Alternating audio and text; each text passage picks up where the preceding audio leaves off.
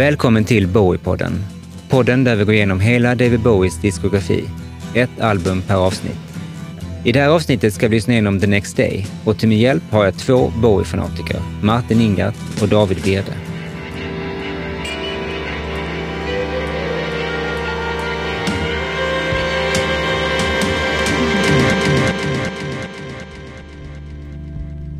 The Next Day är Bowies 25 album och släpptes i mars 2013, drygt tio år efter hans senaste släpp, Reality.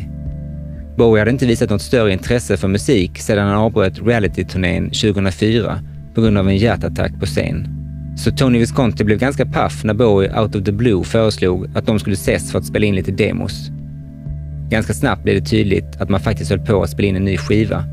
Men Bowie ville absolut inte att något läckte ut till allmänheten så alla inblandade fick skriva under strikta avtal och man vidtog rigorösa åtgärder för att ingen skulle få nys om vad som pågick i studion på Manhattan. Ambitionen var att experimentera med Bowies demos och alla i bandet uppmuntrades att komma med idéer. Man spelade in det mesta live i studion och slutresultatet är ett ganska typiskt rockalbum med mycket gitarrer och starka trummor.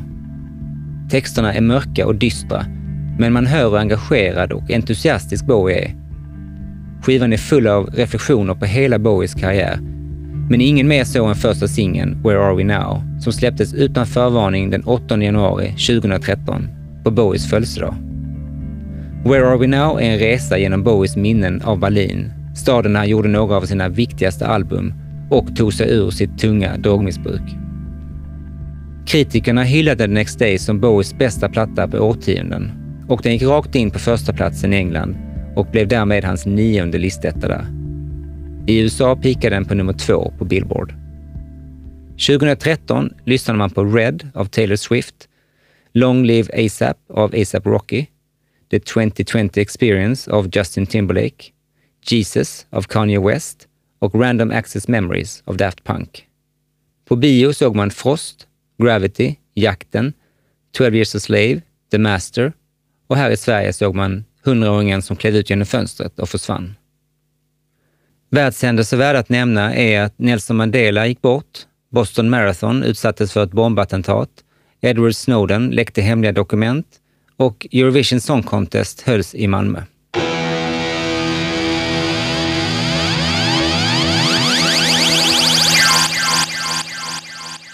Om vi frågar dig Martin, när kom David Bowie in i ditt liv? Jag hittade ett fanzine som jag hade gjort, skitdåligt, för att det var bara urklipp ur Okej. Okay. Sen när jag klippt ut allt från Okej okay, så hade jag gjort mina egna artiklar. Liksom. Och Scary Monsters tyckte jag var cool, men jag fattade ingenting. Men jag gillade den hitten, eh, vad den nu heter, Ashes to Ashes. Och sen så gillade jag Let's Dance. Ja, det är ju väldigt likt eh, min faktiskt också. Ja. 82 tror jag, um, Fashion hörde jag på radion. Ja. Och sen kom väl den här Cat People. Den hade jag, det var min första skiva. Men Cat People är med på Let's mm. Dance? Mm. Ja, fast i en annan version. Ja, precis. Sämre. Betydligt sämre. Betydligt mm, sämre? Ja, nej, men Let's Dance var väl kanske den plattan som blev min också. Den första. Ja. Men fan vad jag gillade Fashion. Jag tyckte ja. den var så otroligt cool.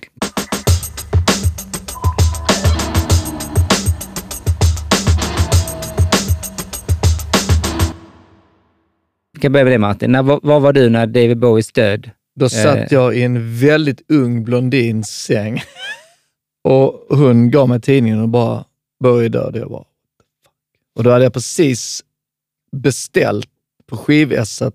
Eh, jag hade beställt Blackstar där och hämtat ut den på fredagen, var det va? Den släpptes mm. på fredagen, inte sant?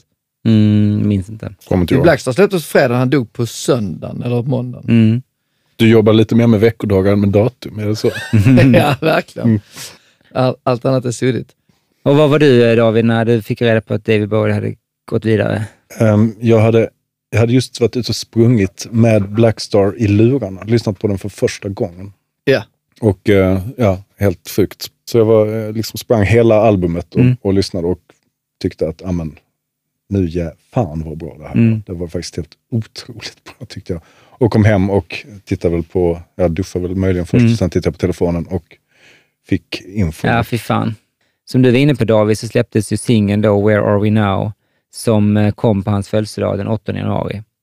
Den kom ju out of the blue. Det var ingen Precis. som visste överhuvudtaget att Bowie var igång igen, för detta var ju hans första livstecken sedan skivan Reality som kom 2003. Så under tio år så hade inte han haft någon lust att göra musik, enligt hans egen utsaga. Han hade hängt med sin familj och kände väl att eh, den här hjärtattacken han fick, eh, fick väl saker och ting i perspektiv. De började spela in, som sagt, då i hemlighet i eh, maj 2011. De hade tre sessions, kan man säga. Den första sessionen var ehm, då i maj 2011. Alla som var överhuvudtaget inblandade fick skriva på NDAs, eh, alltså non-disclosure agreement, för att helt enkelt, eh, även om de var gamla vänner, så litade inte han på någon. Så att det var väl en stor del av det. Eh, hur som helst, han hade uppenbarligen jobbat lite med musik eh, innan, för han kom ju inte helt tomhänt, utan han hade med sig demos som han hade gjort i sin egen lilla hemmastudio, antar jag. Där han började helt enkelt dagen med att spela upp låten, sin demo, och alla fick lyssna och eh, planka delarna som de skulle lira. Och sen så fick bandet eh, testa liksom, olika idéer. Så han hade med två låtar per dag. Så så höll de på eh, i eh, typ en vecka eller så och fick in en hel del material som han sen tog med sig och sen hörde de inte av honom igen på kanske ett halvår eller någonting. Och sen så kom han tillbaka och så hade de en ny session och så gjorde de om proceduren. Och han var också väldigt noga med att spela in allting live. Han ville dessutom inte bara spela in det live, utan han ville dessutom att det skulle låta som en skiva i kontrollrummet. Så att han EQade, kompressor, reverb, allting sånt. Jobbade väldigt mycket i studion. Så att det gör man ju inte i regel. Man behåller ju ofta alla dörrar öppna. Men det var egentligen inte förrän den sista sessionen när Earl Slick kom in och la i gitarr som det började verkligen ta form och blev eh, på riktigt, eller hur någon uttryckte sig. Och då hade de 30 låtar. Storyn gick ju att eh, även skivbolaget var ju helt oinsatt i att han hade en platta på gång, så att eh, han eh, presenterade inte förrän i slutet av december, tror jag, att han var på gång. Och när de fick höra skivan så bjöds de ner till studion, sattes ner i någon soffa och spelade upp vad han hade gjort och de bara, okej, great, hur ska vi market it? No marketing. Jag släpper den åttonde och sen är det färdigt. Jag kommer inte göra någon promotion, ingenting annat.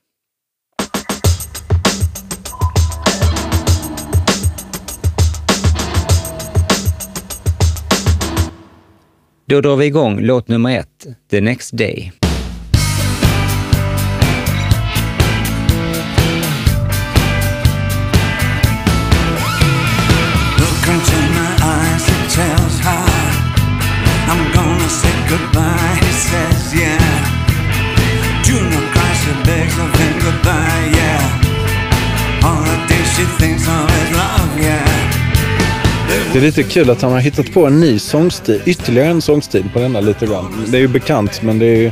Jävligt mycket Lou Reed här alltså.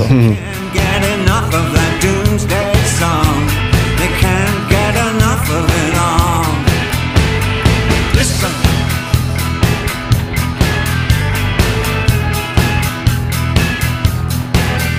Som en öppningslåt är den ju faktiskt eh, ganska perfekt.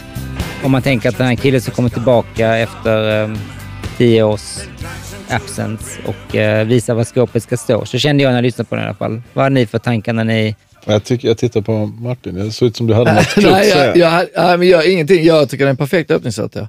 Ja, men den bara maler på ju. Men, och sen så tänker jag lite, är, är det någonting med kändisskapet? För det är någonting jag har liksom inbillat mig med hela albumet. Ja, men det tycker jag att, jag, att man hittar... Ja, alltså någon sorts frustration liksom att motherfuckers, I ain't dead yet. Men sen förstår jag förstår inte det när han, det är säkert någon... Jag har försökt tolka texten också. Liksom. Jag har väl eh, gått bet lite på det och jag, jag har väl aldrig egentligen förstått eh, David Bowies texter i sin helhet, utan de har gett mig en känsla. Och den har jag aldrig varit så bra på att kanske förmedla till någon annan. Nej, den men är, jag, jag, den är min jag, egen. Ja, ja. Men det Just- tror jag också är hans avsikt, om jag har förstått, förstått honom rätt. Ja, det tror jag Att, också, med eh, tanke på hans cut-up-teknik och sånt. Ja, att, eh, det Det, han handlar om... förstår nog inte alltid dem själv heller, utan det är nog eh, helt upp till dig. Jag sätt. tänker att Here I am, not quite dying. Eh, alltså det känns som en sån jävla... Eh, I'm back bitches. I'm back bitches, ja. Så så upplevde jag också. Men jag tycker det är svårt när man eh, lyssnar på eh, allt hans senare material att inte alltid ställa det i relation till det gamla som man älskar Mm. på riktigt. Liksom. Så att jag börjar jämföra och hitta så här, ja, men det här är lite Jag tycker att det här är lite Scary Monsters. Liksom. Ja, men va? Att det är, Själv- Självklart. Ja, ja, jag det, är med, det, det, är, det, det är det mest fantastiska. ja, ja, nej, men det, det är Det är skithärligt. det, det är det bästa med detta albumet. Ja, det- här är liksom Young Americans, Scary Monsters, Och det är lite, men det är lite, till och det med Blackstar. Det finns ju någonting, ja exakt, det finns ju någonting liksom kanske lite tråkigt att alltid, men så blir det ju med en lång karriär, att man, man måste alltid ansvara för sin historia på något Ja. sätt. Va? Så, att, men så när jag hör denna så är det att, ah fan vad gött, lite Scary Monsters. Mm. Fripp-gitarr och Mm. eh, han sjunger lite stökigt. Han har en ny to- tokig sångstil Mm. som han ju har Jävligt väldigt mycket Lou på. Ja, väldigt mycket Lou Reed. Och, men också lite det här konstiga nasala som han lägger sig till Mm. med ibland. Liksom. Ju- Tänker på Teenage Wildlife till exempel, Mm. på Scary Monsters. När han, någon sån här märklig, manierad grej. Liksom. Alltså, jag- har alltid känt att det är svårt att känna att en låt handlar om en sak. Eh, Tony Ja, ja. Visconti gjorde ett tappert försök och eh, citerades för något tillfälle att eh, den handlade om en europeisk härskare under medeltiden. Och det är mycket referenser till Put me in a, in a rotting tree eller någonting. Alltså det finns säkert referenser till sånt, old traditions. Så är det ju. Alltså, Men om det sen är relevant, om den handlar om det, det jag, jag, jag tror inte jag jobbar riktigt så när jag lyssnar på en text. Jag Nej. försöker inte tolka varenda rad, eh, även om vi går tillbaka till eh, Space Oddity. Så liksom det, det känner inte jag. Men det intressanta tycker jag nu är att vi alla har fastnat väldigt mycket i eh, texten. Mm. Eh, musiken är inte så intressant eh, på något sätt. Alltså musikaliskt sett så är jag tror vi tar i- musiken för, för givet bara. Ja, alltså, I och för sig texten fastnar jag nog inte speciellt mycket i, så jag har inte fördjupat mig Nej. i de här Ja, särskilt men jag, mycket. jag har nästan aldrig fastnat i en Bowie-text förutom Blackstar. Mm. Nej, men det kan vara så att vi nu försöker penetrera texten och vi kommer liksom ingen vart riktigt, utan egentligen handlar det om att sammantaget med hur han sjunger det och produktionen så tycker jag att det är en sån jävla banger till öppningslåt. Jag måste säga att jag, var inte, jag har aldrig varit så förtjust i låten innan jag nu gav den både en och två och tre chanser. Jag älskar den. Nu känns det som en sån fet låt, men jag ska återkomma till det och det är egentligen genomgående för hela skivan. Jag tycker att det är produktionen som jag inte gillar. Det är någonting med att det låter inte bra nog. Liksom. Jag håller med. Det är, eller bra nog, för det låter för bra. Det låter för trist. Mm. Men det är inget fel på intentionerna. Nej, absolut. nej, nej, verkligen. Ehm, Nej, men det då- låter så otroligt lite live. ja, Om det var hela meningen. Det var det, precis. det, var det som var hela det är meningen. märkligt, ja precis. Ja, men det, fast man hör ju, han har ju ett, liksom, när han håller på att growla nästan lite Mm. där på uh, refrängerna. Det Åh. finns en jäkla, liksom, en vilja att det ska kännas här Exakt. och nu. Jag, jag är inte helt säker på att jag tycker att Du menar att det är det skådespeleri? Ja, men det är det ju alltid när han håller på i och för sig. Ja, men det är det att för ju alla sångare. Ja, jo, precis. Så att det är ju, det är ju fine. Det får man, jag gillar när man skådespelar. Men, ja. mm. Jag tror jag håller med dig om att jag tycker sånginsatsen, hans sångtagning, är nästan det som jag får mest ut av. Jag hör, liksom en, jag hör inte en 66-årig man. Jo, nej, men David menar jag att det är lite, ja, men ja, precis. Det är lite så... det, det är lite maner. Lite Jaha. maner. Ja, men det är inte, ja, precis. Det är inte, allt, det är inte nödvändigtvis dåligt Nej. att det är manerat, men det är, ja, det är något med det som... eh, Jag fattar vad du jag menar. har hittat en, en Bowie-typ här, alltså bara Mm. min väldigt idiosynkratiska upplevelse av den här plattan, men ändå som jag tycker är, är jag har liksom börjat ringa in när jag har lyssnat på den nu inför detta. Alltså. Ja. Jag skrev som, en, kom, som en kommentar jag skrev var, var att obegriplig text, men en jäkla spänst i lyriken. Alltså det jag gillar, men man hör inte ett ord vad han sjunger om inte man har texten framför sig. Eller man hör fra, fra, fragment i alla fall. Men det finns också de som menar att han hade fått sitt cancerbesked redan innan han gjorde den här. Inte sant, det har jag kollat upp. Okej. Mm. Det är intressant, för Nej. hade han fått det så kan man ju säga Nej, “Here nej. I am, not quite Ja, dying”. Mm. Nej, men det är bara för att han inte, det är bara för att han har varit borta i tio år. Ja, jag fattar. Ja, det kan hjärtattacken. egentligen faktiskt. ja, just det. Nej, det, det, det här är noll cancer här. Mm. Han är på gott humör på den Han är det ju. jävligt Även om den är arg humör. så är han eh, Mm. glad. Ja, det, är, du vet. Men det är en bra låt. Det, det är en skitgod låt, det tycker jag också.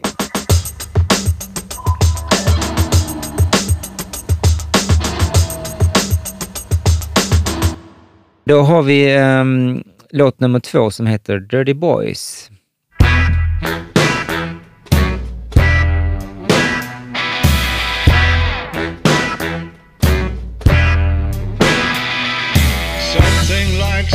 Tobacco road. Living on a lonely road. I will pull you out of there. We will go to Finchley Fair. Jag skulle säga att det är en av mina favoriter på plattan. Jag, ja, nej, men för min del kan jag absolut hålla med. Jag, jag upptäckte den faktiskt inte förrän jag började lyssna in mig den här gången. Jag lyssnade när, när plattan kom, sen har jag låtit den ligga. Ja. Och sen så inför det här så lys- jag har jag lyssnat mycket. Jag tänker på um, Sister Midnight, uh, Iggy Pop Mm. från uh, The Idiot. Liksom. Ja, jag tänkte på den. Ja, ja, Just det, fan den är jävla... Det har jag inte det tänkt finns på. något... Mm. uh, Den är, den är the idiot. Ja, det är rätt mycket. Överhuvudtaget. Mm.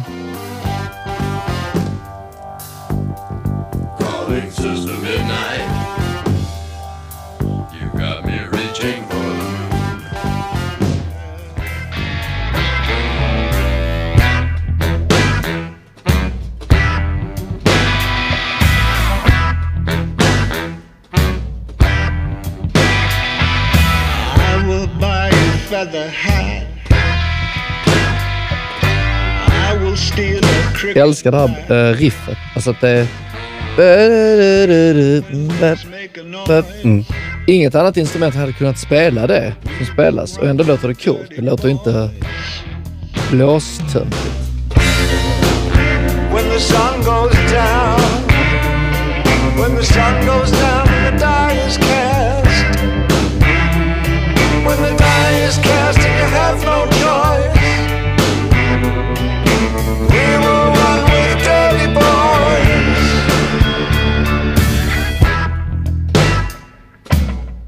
Det, första man hade hört när man eh, fick eh, den här plattan i sin hand, eller vad fan man nu fick den, var ju Where Are We Now, då, som vi återkommer till. Mm. Då kan jag känna att eh, här är han ju cool igen på något sätt. Jag tycker den är... Ja, den här Det låten skulle lätt kunna varit med på Blackstar för mig. Mm. Men även på Heroes. Jag får lite sån här Sons of the Silent Age. eh, Jo men precis, det, är ju den, det känns ju som den eran med eh, Idiot och eh, Low. Mm. Ja, ännu mer. Idiot ja, än ja, ja, men något. lite va? Ja. Ja, abs helt sjukt. Han, fu- Nu när du säger det, jag har inte reflekterat. Ja, det är en stor uh, upptäckt för mig att den här, Mm. den här låten är liksom så loose också på något sätt. Den känns inte så uh, arrangerad och uh, ihjälproddad. Ja, Blåsriffet håller ihop allt. Bap, Ja, det skrev jag också precis. Baritonsaxen driver hela låten framåt. Det, Ja, utan den så faller det. Nej, och sen så tack instrument. Som man, ja.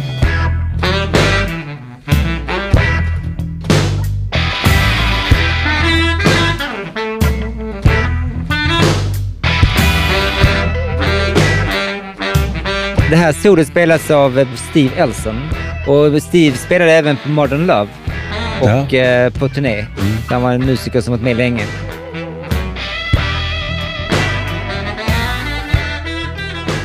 Och tydligen var det så att eh, David Bowie mötte Steve Elson på gatan en dag och eh, sa bara lite kort att eh, I'll be in touch about something. Och sen kom det här mejlet som sen eh, inledde den här första sessionen. Och det mejlet är också lite kul för det hette, rubrikraden så stod det tydligen Stumm. Det var hans, det är ju tyska för liksom håll tyst bara. Ja. Och så var det bara att vi möts eh, i den här studion, det är det datumet. Liksom.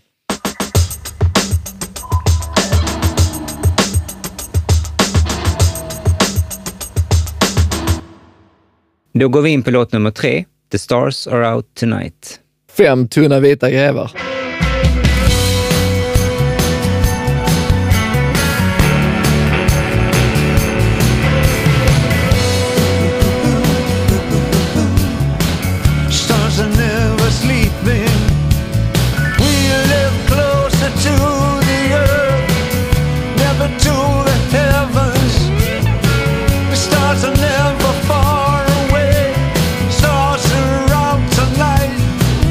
Jag ser på era gungande huvuden att i alla fall Ingrid fe- att vi är och 50 ungefär. Martin har feeling. Ja.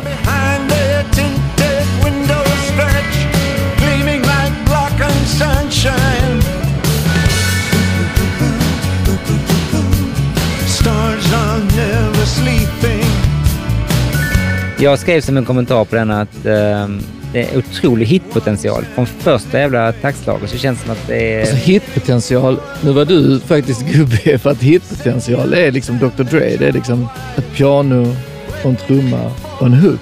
Ja, okej. Här är 500 melodier. Alltså det är... Och, och, och liksom stråkarrangemanget Jag fattar, inte om man, jag fattar inte om man får ihop en sån här låt. Att få den att låta så enkelt. Det är en meningslös grej som vi inte har kommit till tror jag. Det är något stick som är skitkonstigt. Det är intressant att du nämner sticket faktiskt, för att eh, låten bygger på samma ackord i princip hela vägen. Men gitarristen som eh, hette Gary Leonard, han kände att det, fanns, det var lite för monotont för honom, så han försökte bryta av det med den här sticket.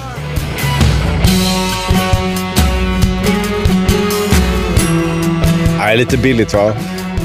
Nej, jag, jag hade gärna varit utan det. Det sabbar inte låten, men eh, jag har ingenting emot att det är samma hela vägen. Man hör tydligt att, eh, alltså vi spelar ju alla musik, man hör tydligt att någon i bandet, som oftast är lite äldre, som, som har lyssnat för mycket på Beatles och Beach Boys, säger att ah, det måste hända någonting Ja, mer. just det, just det. Vi måste ändå få in någonting mer. Folk kommer bara, ah, okej. Alltså ibland är ju, ska, ett, ska ett stick vara dåligt, va? så att man blir glad när man kommer tillbaks. Det, är ju inte, det behöver faktiskt inte alltid vara... Ja, men det tycker jag ofta. Jag håller liksom. med. Jag håller med Så att det, det kan ju, det tjänar, på det sättet känner ju syftet... Fast, eh, fast finns det något bra stick? Det, du har ju rätt. i- Ja. Åh, nu Ja, väcker ja. han... Nu börjar våra hjärnor Det är en helt annan poddserie. Bra stick.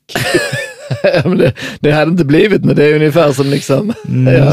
Ja. Jag kan nämna då bara när vi är inne på detaljer i låten, för jag tycker också den är en fet låt, men eh, det jag verkligen fastnade för vid någon upprepad lyssning, det var de här stämmorna som kommer in i, ehm, det är väl någon slags refräng här, jag kan spela upp dem, de här låga stämmorna som kommer in här.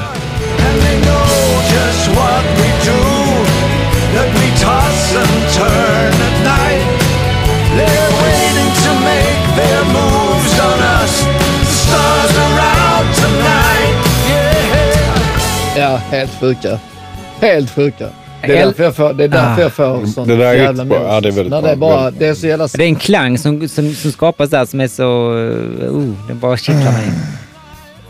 Detta är Let's Dance för mig. Ja. Jo, det kan jag hålla med om. Det är det är alltid risk när man pratar om Bowie att det blir så himla, att- man mytologiserar och sådär. Men ehm, det är ju någonting med att man, man, gör ju gärna det och så, så hittar man de här grejerna att men här vill han nog säga oss detta och det här är en liten hälsning till den låten. Och det är ju fine, men han vill ju också göra det. Han älskar ju sådana saker också. Om man förstått honom rätt. Ja, han är Alltså, väldigt glad för att referera till sig själv. Precis, ja, och också liksom lägga in små ledtrådar till Mm. både det ena och det andra. Mm, Och mm. hälsningar till andra låtar, men också som lit- litteratur och Mm. konst och etc. Så att, Fast det är också motsägelsefullt för att den största anledningen till att, som jag sa, David Bowies musik, sådär, känner jag. Mm. David Bowie, den största. I, så jag menar, för att han är ju alltid någon som har velat gå vidare. Kanske planterat frö, men han blir aldrig någon sorts siraps-nostalgi.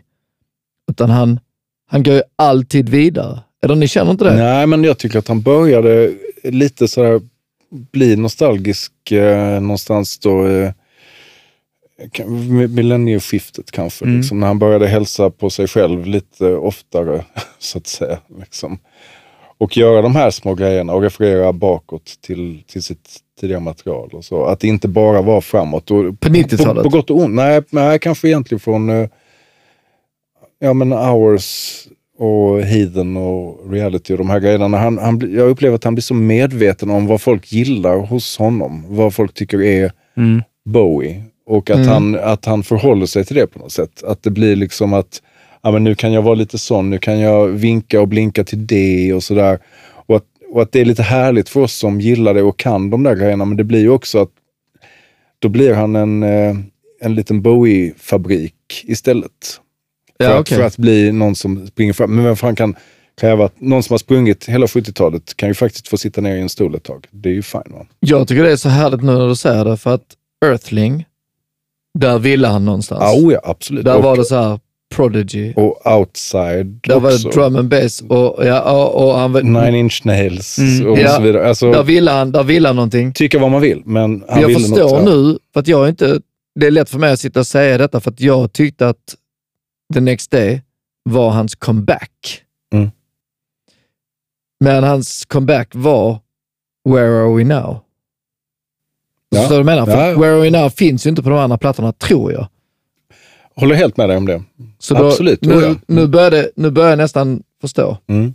Och därför blev jag lite förvånad när, den, eh, när albumet lät så här, när man hade fått höra Where Are We Now och sen så, så kom det, Ja, det ja. Ja, men väldigt Jag bra med. poäng. Jag hör Mm. det verkligen. Det, du sätter nog pricken på lite vad jag kände också, att det är en platta som lovade någonting annat än vad den faktiskt levererade. Ja. Mm. Och den har Dirty Boys och, och en del spår som, som känns som att han vill åt ett håll. Och sen ett spår som gör att han safear nästan på något vis. Han går in i bekanta, eh, och det, det David Bowie var bra på var just att inte gå in i bekanta. Jag upplever den här skivan som väldigt mycket som eh, Ja, nästan som att eh, dra en väldigt konstig parallell, men som eh, Tarantinos Once upon a time in Hollywood. Att det liksom är, det är, så, det är som kärleksbrev till sin karriär. Mm. Liksom, han går igenom Berlin och det är liksom, han, han, han, det är väldigt mycket referenser tillbaka och Mm. det är ju tyvärr den gamle mannens fälla lite. Att man börjar bli lite tillbakablickande. Och det är väl ingen fara Nej, det, precis. men det är, inte, och, och det är vi inte ju vana liksom vid det bara. tycka att Bowie, att det var lite problematiskt med Earthling och eh, Outside och den här strävan Mm. när det kändes som att, ja men, sluta tafsa på drum and bass. Inte Så kände jag att, när eh, Earthling kom, för jag var jag inget. Bowie-fan där och då. Jag tyckte att han var, det här var den jävla rocken och hela grejen och hela hans look. Ja, ja. Jag kände bara att detta flyger inte. Couldn't care less. Alltså jag upplever att gitarrerna och hela, många av detaljerna på den här skivan överlag skulle kunna kommit fram mer. Det är mycket som har det här problemet att ingenting hörs. Ingenting får stå fram riktigt. Alltså när jag lyssnar på de tidiga grejerna som vi snackat favoritplattor, Heroes och Low och sånt. När det kommer in en gitarr eller en synt eller någonting så får den en sån jävla plats. Allting här är så jävla i nivå hela tiden. Och det känns lite Mm. eh, ofarligt. Mm. Problemet är att Visconti tror, och Bowie tror att distade gitarrer är tufft. Mm. Det är det mesigaste som finns. Det coolaste är typ baritonsaxen, eller de stråkarna. Mm. Men de tänkte, ah, vi måste få det att låta lite coolare. Mm. Vet du vad vi gör? Vi tar in... Men du vet, på den tiden det fanns så mycket, mycket, mycket coolare grejer. Alltså Prodigy och... och, Ja, och, och Har du sett Earl Slick någon gång? Han ser ut som Bill Heider ungefär. Jag Han är ser ju ut som pastisch av en... Nicky Six. Nej, inte så. Inte den Nej. typen av rock. Mer som en Keith Richards liksom. Mycket sjalar. Ja. Mycket sjalar och läderjacka. Ja, men mycket sjalar ja. Men, Ja, men det eh, hör man. Man hör att licken är mycket sjalare. Men det är väl också, eh, som vi pratade om innan, att det är också en sån eh, klassisk Bowie. Han har ju alltid haft en Axman liksom vid sin sida från Mm. Mick Ronson och framåt. Stevie. Ray. Ja, Steve Ray Vaughan. Ja, ja, är ja, ja, ja, precis. Jag- jag- Han är egentligen helt- malplacerad. Han, ja, det är han ju, men han är ändå en Axman på Let's Dance. Oh ja. liksom. Fast Och- Nile Rodgers bord är egentligen den riktiga Ja, ja, Axman. Men det, tycker, ja. det, Nej, men det var han är inte farlig. Nej, det var kul. Jag tycker det var jättebra på Let's Dance att de plockade in den tokstollen. Liksom. Jag fan, det hade varit tråkigt att höra på Let's Dance utan honom. Nej. Liksom. Nej, Men ja. det har ju också blivit liksom lite Bowies grej. Att jag har alltid en jävligt Tyvärr. skev eh, gitarrist med som kommer att stöka och bråka lite. Liksom. Skitjobbigt. Ja, jag gillar det. Jag tycker det är gött. Men Ja. det är också när man ser... Jag Liksom, gillar det på Scary Monsters, Ja. men inte annars. Jo, men det, det blir också det här liksom att ja, men det måste jag ha. Det, är liksom, det finns i hans... Eh, ja, vad ska man säga? Liksom, han, han, har, han, han måste ha det, tycker han. Det är hans liksom. MO. så Ja, att säga. Mm. lite så, liksom. Jag, tycker, jag tror att mycket av problemet med den här plattan är mixen. Alltså. Jag tycker att den är så, låter så ofarlig. Det, finns, det, det, är, så, det är liksom antitesen till Surfer Rosa. För att jag, håller med, jag håller inte med dig Martin. Jag tycker att det distade gitarr kan vara faktiskt det farligaste som finns. Oh ja, absolut. Om du mixar den och den får stå själv. Men här är den så... White den, Stripes, absolut Precis. tufft. Men här, Här- med de här fantastiska arrangemangen och stråkarna och ljuden. Men jag tänker mig lite när han gör de här eh, plattorna från kanske ja, ja, he, Heathen eh, Reality och, eh, och den här då, vad fan den nu heter, så vi pratar om next, the next day. The next day. Ja, nej, men att, att han, det är där, i, i min upplevelse så är det här han liksom lite grann hittar att, just det, så här är Bowie och Bowie har vid sin sida en eh, jävligt avig Axman som gör knasiga grejer. Nu flyger vi vidare. Ja. Love is lost eh, kommer ju efter den här och eh, Här tycker jag faktiskt att vi ska lyssna på remixen istället. Alltså James Murphy-remixen. Nej, vi måste höra denna först. ja, det, kan, original det kan vi absolut göra. Det, det är relevant. Jag har den med på mina notes. Tänk ifall James Murphy hade gjort eh, Next Day.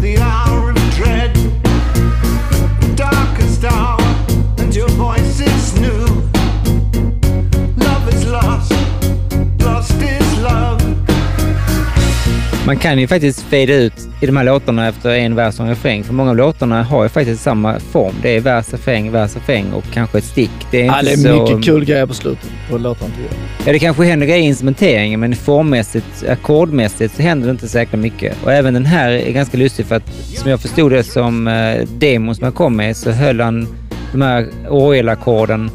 Han var ju inte en pianist på det sättet som man kan kalla pianist, utan han höll en, ett ackord och sen flyttar man det ett steg vänster, ett steg höger med samma form och då fick man de här ackorden. Så det är väldigt naivt spelat liksom och det hör man lite på, ja, på orgeln så kallat. Jag, jag, jag har inga problem med det, men, men det är väldigt enkla ackord.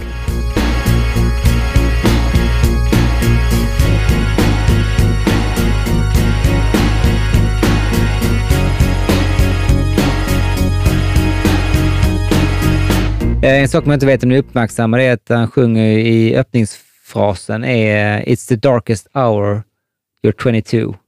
Och eh, det var ju också den åldern då han skrev Space Oddity och året som det tog slut med Hermione.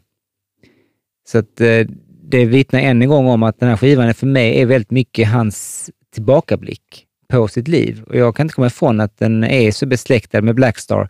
Den är inte lika bra som Blackstar på ett sätt, men, på- eller på många sätt, men den har den här gamla mannen som tittar tillbaka-känslan eh, på ett sätt som jag inte hade känt innan jag började forska i det. Jag har känt den nostalgiska känslan har jag känt hela tiden med, med detta albumet. Mm. Om hans, Även när det kom menar du?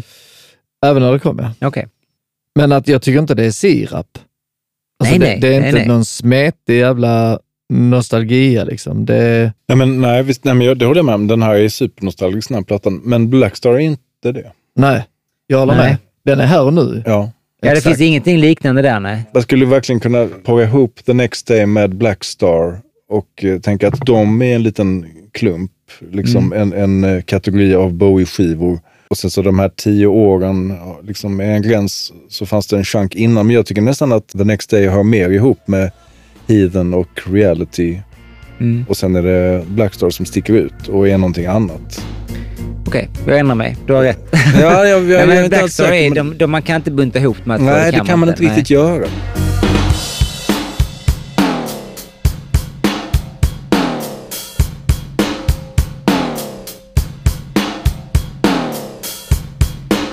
Det är ett extremt coolt uh, snare-sound han får till här, som också är ett eko lite av Viscontis gamla trick från low- Heroes low Low. ja. Exakt. Han körde ju ofta trummor med en uh, vocoder som skapade den här typen av uh, weird, framförallt snare-sound. Eller Är det Weird, Eventide? Eventide, ja precis. En Eventide vocoder som han körde virveltrumma kan. Och det märker man ju att han är glad för, för att han får vara Ja, helt egen takt där. Mm. Jag har skrivit i mina anteckningar, det är bara så här, trummorna.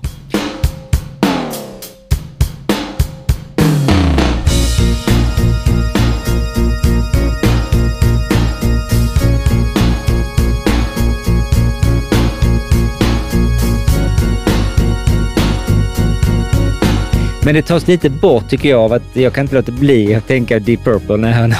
Aha, ja, ja, Och då menar Deep Purple med ett midi-keyboard för att det låter ju inte heller fett. Exakt, det är det jag gillar att det är ett midi-keyboard. Ja. Det är därför Det, det... hade det varit en Hammond så hade det varit... eh, Jag älskar midi-keyboards.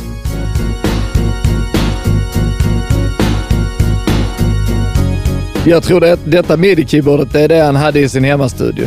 Som eh, de har behållit. 100 procent.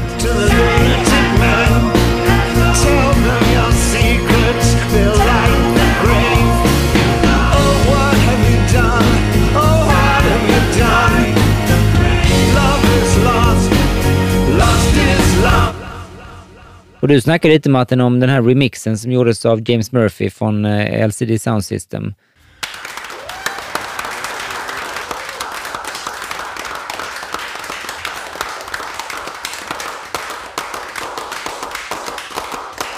Det här är en mix eh, av eh, ett verk av Steve Reich som heter Clapping, va?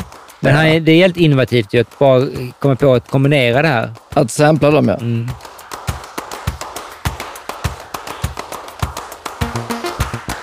Jo men sen så kommer klassiska alltså, LCD Sound System-syntarna.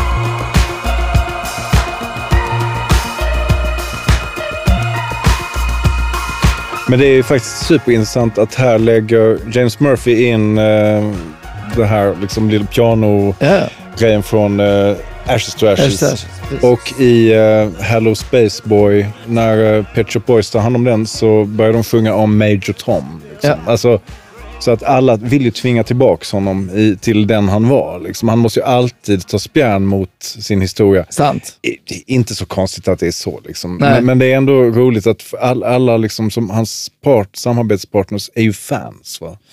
Alla, vill, alla har sin egen Bowie och vill... Eh, På denna plattan saknar man ju lite det lekfulla. Det är ju lite gubbstampigt. Ja, alltså det finns ju inget cringeigt någonstans här. Det är ju fortfarande relevant och sen så kanske man inte blir superberörd eller lyssnar på det David har varje i och för sig implementerat lite cringe i mig nu. Men, men, men vilket menar du? Är det någonting i det vi har hört hittills som varit cringeigt? Ja, då, absolut. Ja, jag tycker liksom då- så här, ja. när han, när han, hans growl på eh, första låten. Day. alltså, det finns sådana saker som han bara inte hade gjort tidigare. Du gillar inte Bowie alls, verkar det som. Han Jag gillar Bowie för mycket. Ja, det är det som är problemet.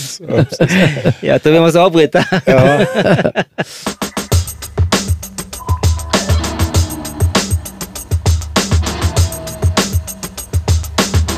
Jag måste säga att jag gav inte den många chanser när den kom. Nej. Jag var mycket kvar i att han var en, en svunnen idol Mm. för mig, som jag har all respekt för, men han har inte betytt någonting för mig, ja, gud vet hur länge. Mm. Så att eh, när han kom med den här skivan och den fick sån jäkla recension också, så tänkte jag, jag håller inte riktigt med. Jag kan inte förstå. Jag tycker inte att det är back to form. Jag tycker inte det är lika bra som hans tidigare grejer. Det är bättre än mycket annat, men det är fortfarande mycket som inte håller. Och jag, jag tycker det är intressant också att de första fyra låtarna är faktiskt förhållandevis stabila. Även om man kan ha sina issues med vissa grejer, så är det en skiva som dippar rejält i mitten. Nej, på slutet. Ja, jag tycker den hämtar sig där Ja, faktiskt. för i mitten, förlåt. Ja, jag håller Ja, med. Ja. Mm. Men eh, vi har inte kommit dit Nej, än. Vi nej. kan gå vidare till eh, en av eh, skivans absoluta höjdare och det är ju Where Are We Now som såklart är då första singeln som var liksom första livstecknet och det är ju en jävligt speciell låt. Ja, det är topp fem Bowie-låtar för mig. Så att vi drar väl igång den helt enkelt.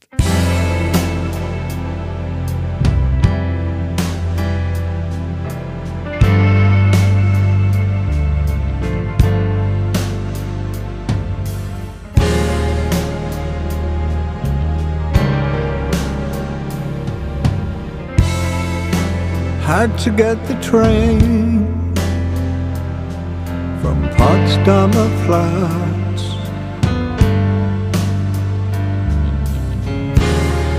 You never knew that, that I could do that. Just walking the day. För det här är så otroligt bra. Det, vi har pratat lite om eh, att det är så tillbakablickande, den här plattan. Liksom, att han refererar till sig själv hela tiden genom riff och olika liksom, små smarta eh, hälsningar och det kommer mer längre fram på plattan, små trumtakter som eh, man känner igen och liknande. Liksom. Och det här är väl kanske egentligen den som är mest öppet refererande till hans historia. Och samtidigt så är den helt genuin. Den är så totalt naken och äkta, tycker Men jag. skillnaden är väl att den är personlig och det andra är bara... Alltså det andra handlar om hans kändisskap som han varit borta från i tio år, men den här är mer introspektiv bara. Ja, ja, ja, så kan det vara. Jag, jag vet inte riktigt vad det är, men det är någonting med den här som lyfter den så otroligt långt över andra. Och, och att liksom just den här kombinationen av att, den, han, att han liksom helt öppet berättar om det förflutna Mm. och eh, refererar till det, men att den känns som något helt nytt. Det var ju det som drabbade mig kanske hårdast. Ja. Det är lite en efterkonstruktion, men om, om man tittar på, för min upplevelse av den här när den kom var ju en käftsmäll. Det var verkligen att, herregud, nu, nu är han här igen. Mm. Liksom. Det som man längtat efter hela tiden. Mm. Det bara kom en helt äkta Bowie igen, i den mån man kan prata om Bowie som äkta någonsin. Va? Mm. Och det är ju lite framme med honom. Men jag tyckte det var så fantastiskt. När jag sitter och lyssnar på det nu så är det, gud ja just det. det är, ju- och det var väl kanske det som också var problemet när plattan kom sen, att man hoppades lite på att det skulle vara så här. Ja, Inte nödvändigtvis låta så, men att det skulle finnas den här totala närvaron och... Det, det finns ju en, eh, en enorm kärlek till den låten, både, från er båda. Oj, Mm. Jag hade samma känsla som jag fick när jag såg omslaget, när jag hörde den här låten. Mm. Att jag visste inte vad jag skulle tycka. Så att jag hade inte den omedelbara... Eh, jag la mig inte platt och kände att det här är det bästa jag hört, utan jag tyckte det fanns någonting lite patetiskt i att han gick runt i Berlin och mumla om sina gamla platser. Jag, jag tyckte faktiskt att det var lite töntigt. Ja, okej, vad spännande. Det var min ja. absoluta Mm. första reflex. Jag kände, vad fan är, är det här? Och jag, alltid då med Bowie så tänker jag, är det jag som är töntig eller är det han som är töntig? För att jag tyckte verkligen att det är nog jag som är töntig, för han är ändå Bowie. Mm, mm. Men jag hade lite svårt för att liksom Fast han är ju rätt så töntig ibland Ja. så. Han är, Jag, jag hade någonstans, jag tyckte det var lite... ehm, jag, blev inte, jag blev inte rörd av det. Det är hemskt att säga och jag blir faktiskt inte det fortfarande. Nu tycker jag inte att det suger eller någonting, men jag blir inte... Jag tycker att det är för ehm, det, on the det, nose. det är ju intressant, Mm. för att det är verkligen... eh, för det slår an alla hjärtesträngar för mig. Plus att jag tycker inte låten är så bra. Ah. Alltså jag tycker att den är lite tradig. Jag tycker egentligen bara det är mot Aha. slutet som den plockar upp, när gitarren kommer in. När Coldplay kommer in. Ja, just det, det gör de faktiskt där. ja. Mm. När, Trumma eh, lite. Det kan, Ja, när, när The ja. Edge och Coldplay kommer Ja, in. det gillar jag. Ja, det det kan händer något när den går Ja, runt, runt där. det Det kan ja, jag ja. As long as the sun. Ja. As long as there's As long as there's rain. As long as there's rain. As long as there's Ja, fire. men den tycker jag är lite generic faktiskt. Jag har ju alltid varit svag för grejer som går runt, runt. Alltså lite längre än man tror. För att annars har den ju mycket av det som jag borde gilla. Den här, den här desperata Bowie har jag alltid varit förtjust i. Eh, den här liksom eh, slutet på Five Years, slutet på Rock'n'Roll Suicide. Eh, lite preacher-aktigt i viss mån, men liksom den här eh, ledsna Bowie. Så att den har ju allt det.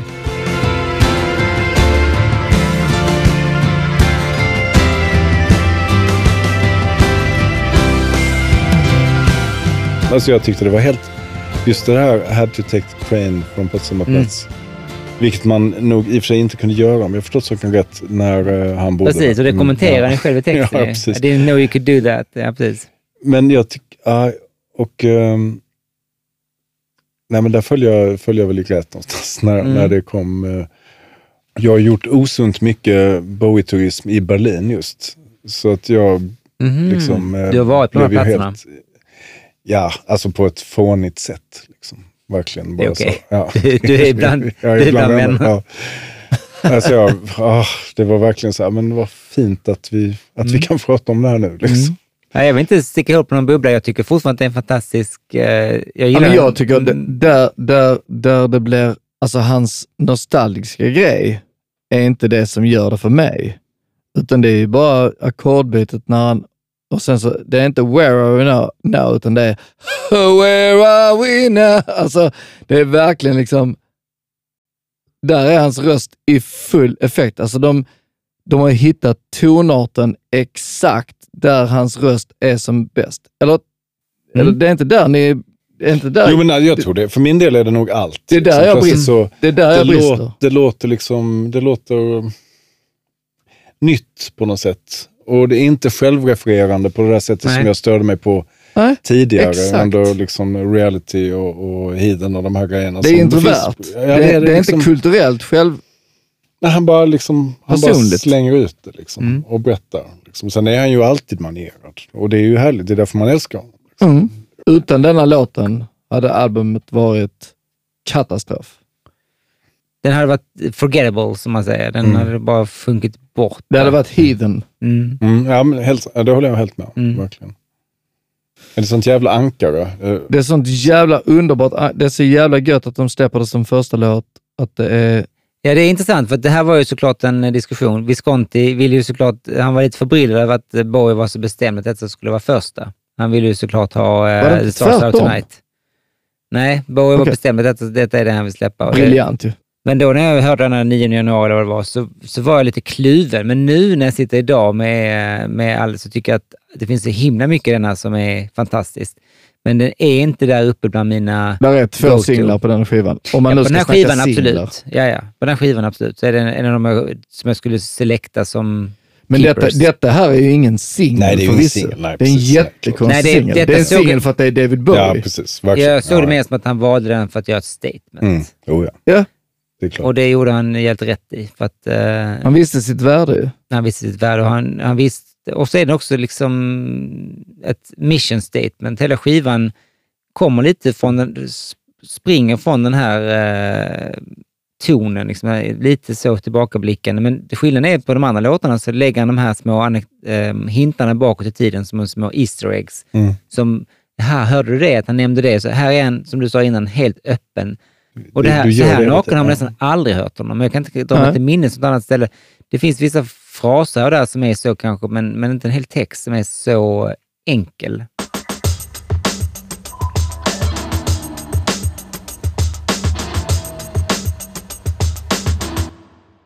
Ja, nej, men den är, en, den är ju lite av eh, låt, eh, skivans, eh, en av de stöttepelarna, Mm. liksom, som allt annat cirkulerar runt. Och skivan har ju för många spår. Det Ja, kan det man- den, helt klart. och det här, eh, Absolut. hade det varit tio låtar så hade vi kunnat ha en eh, betydligt annan upplevelse tror jag. Så hade vi varit på krogen nu. Ja. Det också. Ja, det är sant. På tal om det, ska vi gå vidare Vi får till göra det. en banger, låt nummer sex, som heter Valentine's Day. Nu kommer rock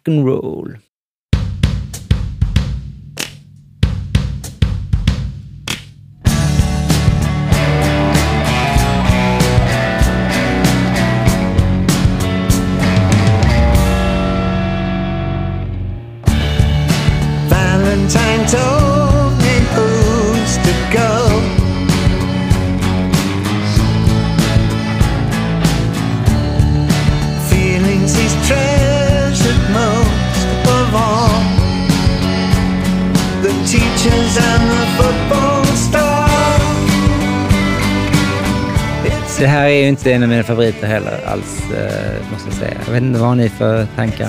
Nej, absolut inte. Jag, jag kollar faktiskt upp vad, den, vad, vad folk tror den handlar om. Vad tror ni? Vet, vet, Jag fick ju fram mycket om skolskjutning. Ja, jag med. eh, och det känns som när man läser texten som en, är av de mer lättolkade. Jag fick sån tanke som Jeremy med Pearl Jam, att liksom en sån en kille som heter Valentine och så är det en ordlek där Valentine's Day. Liksom, Ja, precis. Det är hans dag. Ja, jag fick rätt, Men allting är dåligt här. Alltså det är dåliga melodier. Liksom den här eller- Ja, jo men dåligt. Just för Vet du vad det är? Detta, är Thomas, detta här är Thomas Di Levas engelskspråkiga skiva. inte hela Make skivan. it number one, Ja. that's what people call Ja, lite preachy me. ibland är den ja. Ja, det är sant. Vilken otrolig imitatör. Det är otroligt bra. Ja. Jag, jag känner bara att alla, allting sitter precis där det ska vara. Varenda liten trumfill och varenda liten uh, gitarrgrej och det bara är för, det är för perfekt. Jag har faktiskt inga jätteproblem med denna, måste jag säga. Det är kul att... eh, ja, för att ni har ett stort hat mot Ja, den här. ja, oh ja.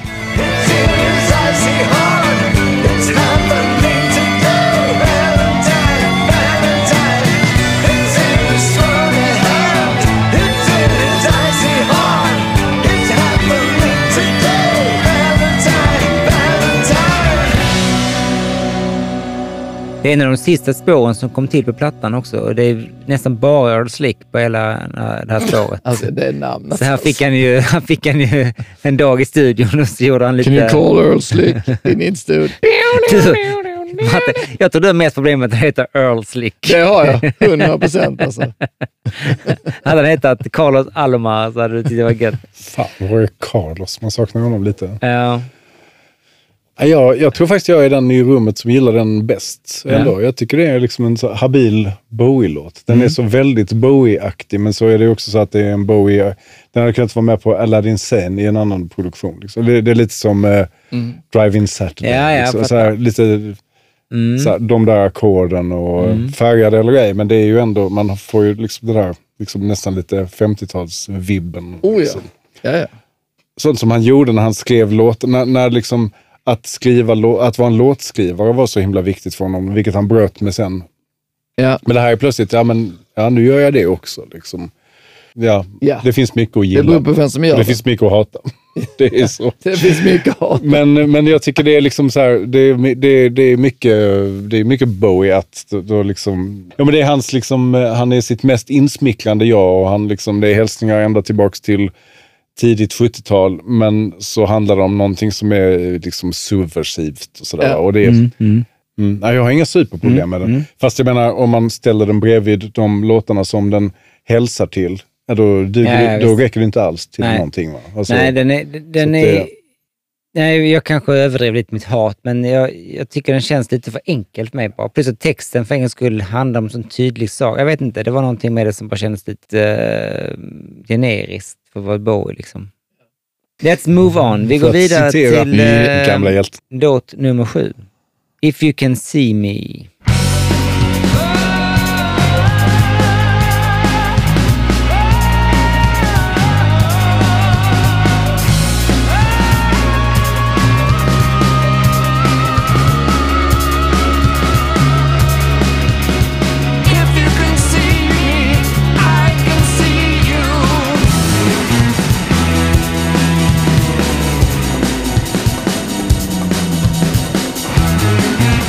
Alltså den är ju art-rock på något så här riktigt konstigt sätt. Men han syr ihop det med... Ja, men texten är sån domedagstext om... Eh, jag bara tolkar fritt nu, men den är lite rockopera Bowie. Jag ska ju bara fatta noll av texten. Jag orkar inte ens försöka Ja, penetrera jag känner mig så här, detta är liksom... Eh, idoldyrkan tror jag att det handlar om först och främst. Vilket jag tror att liksom, lite av albumet handlar om. Med omslaget och så. Och Stars och ja, men ganska många så här, Children swarm like thousands of bugs towards the light that beacons above the hill. Children swarm like thousands of bugs towards the lights, the beacons above the hill. The stars to the west, the south, the north, and to the east. Men jag bara gillar att man tror att det är en annan taktart, men det är de här taktförskjutningarna. Det är fem fjärdedelar introt och sen går den över till 4-4 och det är att den växlar mellan de Ja, två. men det är det, så det är en taktförskjutning där. Ja, precis. Ja, den, den har två taktarter helt enkelt. Två taktar. Så Ja. hela introt börjar Det med fem och sen går det in fyra. Och det gör att den blir väldigt... eh, man tappar orienteringen. Även om inte man räknar och håller på, så alla som lyssnar blir lite desorienterade av den. Och det är, även när den är 4-4 är den är ganska weird. Så att, eh, nej, den är cool. Jag gillar också den faktiskt. Vad säger du David? Jag är inte svag för denna. Jag tycker detta är som en, eh, liksom, en kass Earthling-låt. Mm. Det är en lätt enkel referens eftersom det låter lite sådär jungle-trummor och sånt. Och det är det ju inte riktigt. Va? Nej, det är det inte. nej, det är massa annat naturligtvis. Men mm, det, han vill göra någonting som jag inte tycker att räcker till med denna låten. Liksom. Det bara, och jag, jag älskar udda taktarter. Jag tycker det är toppen. Ja, men jag bara menar att man, Mm. Och- det, det är inte ett, man blir bara glad när den kommer menar. Ja, eller så blir man inte det. Ja, som, som jag då. jag håller med. Ja, Ja. ja. men Ja, och du gillar inte från början heller. Nej, jag, jag kommer inte in i denna. jag blev liksom. sur från början. Ja, ja, men det är, ju, det är ju inte alltid dåligt att bli sur från början. Det är ofta rätt så bra. Liksom. Ja, det, det, Mm. Ja, nej, men det finns, Jag det tror att finns den är, mycket i den är roligare att spela än att lyssna på. Ja, men lite så kan jag känna. Liksom. Den är, jag hade aldrig kunnat spela. Det är därför den är rolig. För Kanske hade kunnat spela den Ja. julbjällan. Du, du. Den verkar vara lite av en vattendelare när man söker lite på nätet och Mm. folk eh, antingen älskar den eller hatar den. För mig är den bara en väldigt spacad produktion mitt i plattan. Liksom. Och här börjar vi gå in i mitt, Mitt delen av partiet, plattan. Här ja, börjar vi gå in i plattan. Här kommer låtarna... nu börjar det bli plötsligt- problematiskt. Ja, precis. Här Ja, men här, är, här är i alla fall, först- du sa att du inte förstår någonting av texten. Detta är den mest tydliga texten av alla. Okej, det var jag som är dum i huvudet. nej, men nej, nej. nej. Eller att du och jag är olika? Men, Ja. men så här, I will slaughter your kind who descend from belief. I am the spirit of greed, a lord of theft. Uh, I'll burn all your books and the problems they make. If you can see me, I can see you. Jag tror jag skrev så här att det, det är liksom en låt om kapitalismen. I will slaughter your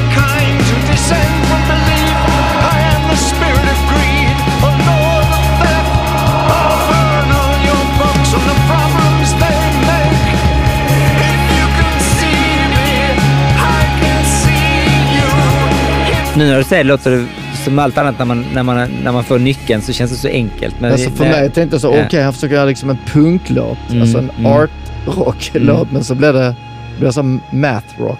Mm. Jo, det blir lite, det blir lite eh, musik för musiker. Ja, och Inte det, just för David dock. Nej, men jag och jag Nej, men- gillar ju symfol. Liksom. Ja. Jag tycker det är gött. jo, men det, det, jo, jag liksom. älskar också Ja. när det är lite udda och det ibland känns lite... jag och David är faktiskt inga musiker heller, utan vi är mer Nej, vi vi artister. bara på. vi är bara rockartister. Eh, då tar vi nästa låt helt enkelt. Så går vi in på låt nummer åtta. Och den heter då I'd rather be high.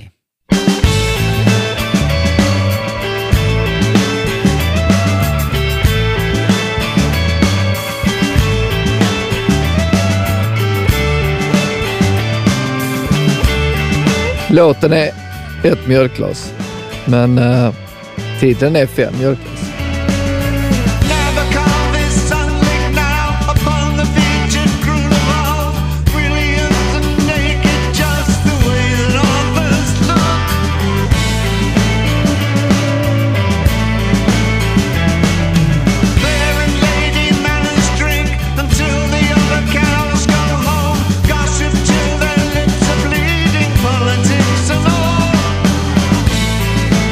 Det är massa historiska referenser i texten som jag inte riktigt hänger med på. Ja, men vad jag har hört att den handlar om, vilket är det sjukaste av allt, jag kan ha läst fel, Ja. det är att den handlar om någon andra världskriget. Jag har faktiskt inte orkat bry mig om texten så mycket. Jag tyckte låten var så uh, tradigt uh, referens till någon slags britpop, Beatles. Ja, det är lite eh, så Oasis. Vet du vad jag Coola liksom. shakes. Ja, Coola Ja? Ja, ja, ja, ja, ja, Jag precis. ska säga- Helt, helt För meningslöst. jag var inne på Oasis och liksom. sånt, men det känns inte rätt för de var alldeles så här... Uh, Ja, just det. mycket rakare liksom. Men, men, Men också jävligt. Lennon.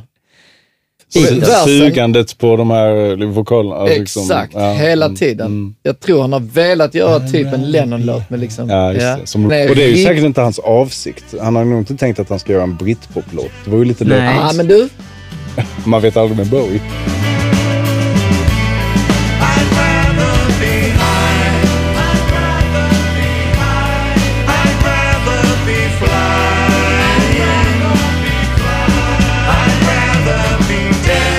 Alltså vad den hade för avsikt så blev det en rätt så tradig poplåt. fy fan. Och det, Den hade de kunnat plocka bort. ja,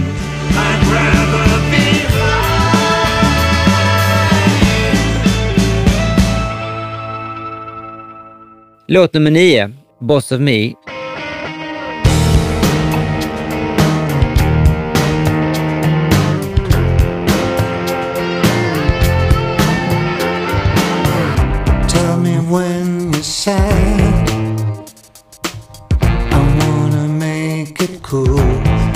Eh, efter att man haft den här första sessionen där de eh, gick igenom hans demos så kände han att eh, det skulle vara kul med lite nya låtar. Så att han åkte ut med sin gitarrist Jerry Leonard på en extra liten session ute i Woodstock. Där de monterade in en trummaskin, ett keyboard och en gitarr, lite olika gitarrer. Och så fick han helt enkelt leka loss. Så det är en av de mer nyskrivna låtarna till plattan. Eh, och eh, det var visade sig att en av eh, märket då på en av eh, gitarreffektpedalerna var Boss ME. Så då tyckte de att det var kul att döpa den till Boss of Me. Eh, så det är liksom, hela låten känns lite som ett skämt kan man väl säga.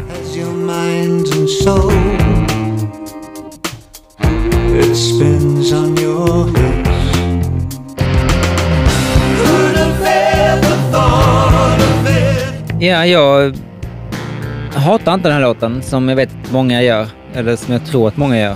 Jag vet inte, vad säger ni? Nej, jag hatar inte den heller. Ja, jag, jag tycker att nu är vi inne liksom i biten av den här plattan när det är, när det är rätt så kast. Mm. Jag tycker inte, det, Ja. nu är det inte bra längre. Liksom. Man Nej. försöker hitta desperat Ja. någonting bra med att säga, men det är... Jag håller Nej, med men dig. liksom det, är- nu är det inte bra längre. Nej. Och det, man kan kalla det arty eller man kan kalla det dåligt. Och här tycker jag det, det är inte bra längre. Framförallt är den låten väldigt lång. Ja, den är alldeles för För lång. vad själva idén håller inte för fyra plus minuter. Nej. Alltså det är dålig text, ganska. Men, men det är jävligt fin sång, tycker jag. Mm. Ja, den, detta är lökigt. Ja, det tycker jag också. Nej, det, det, det låter som B-sidor. Det, Mm. Är det inte oförståeligt hur man kan köra så här Stars are never sleeping, hela det här Let's Dance-groovet och sen denna här. Mm. Mm. Är det inte liksom, det är väl typiskt det där omgiven av ja-sägare, det, som ju alla blir, Ja. som det går bra för. Liksom. Att det, för att det är svårt att ha urskiljning när man gör någonting. Liksom. Ja, Man hittar på något. man skulle kanske behövt skivbolaget ändå. ja, komma in och lite, liksom. lite. Ja. Vi går vidare i alla fall till vad jag skulle kalla för skivans sämsta spår. Låt oss ta den. Och det är låt nummer 10 som heter Dancing out in space.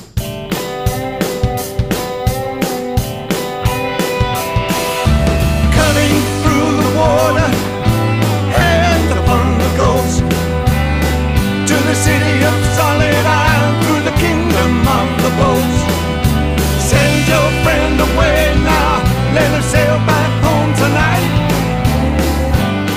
Jag tror att jag kanske är mest svårt för att han är inne på space. Det är så... eh, Men jag gillar när han är inne på space. mm, ja, Det är ju någonting med honom att han har så jävla god smak och så dålig smak alltid, liksom parallellt. Och så kan han balansera de här grejerna. Och dålig, alltså vad fan är god smak och vad är dålig smak? Nej, nej, men det jag kan man inte, liksom, men, Och det har ju han balanserat så himla bra genom hela sin karriär. Liksom att kunna ta in de här influenserna som är supertacky och balansera det mot superintellektuella referenser.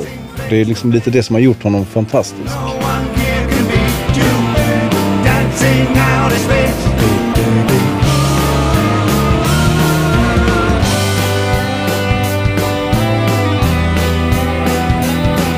Man är ju liksom aldrig orolig för att han, han är dum i huvudet. Man vet att han är, han är nej, supersmart. respekten liksom. finns, allt, finns alltid där för honom. Verkligen. Men, men är, ibland så känner man att man, man hänger inte riktigt med i, Det i kul svängarna. med- Liksom. You got stars upon your head.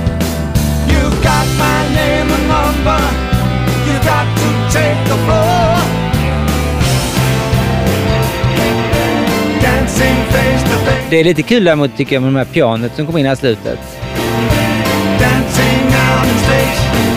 Det är ett väldigt dissonant piano som kommer in här.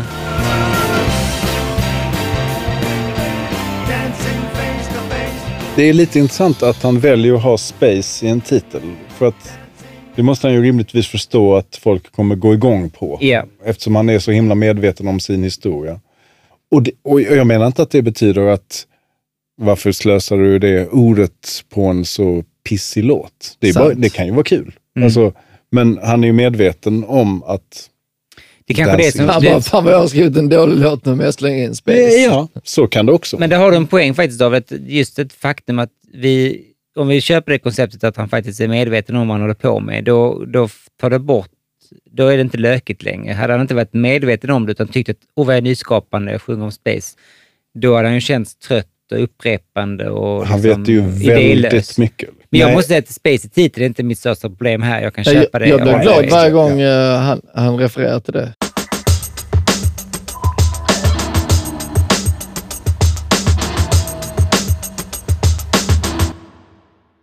Då går vi in på låt nummer 11. How does the grass grow?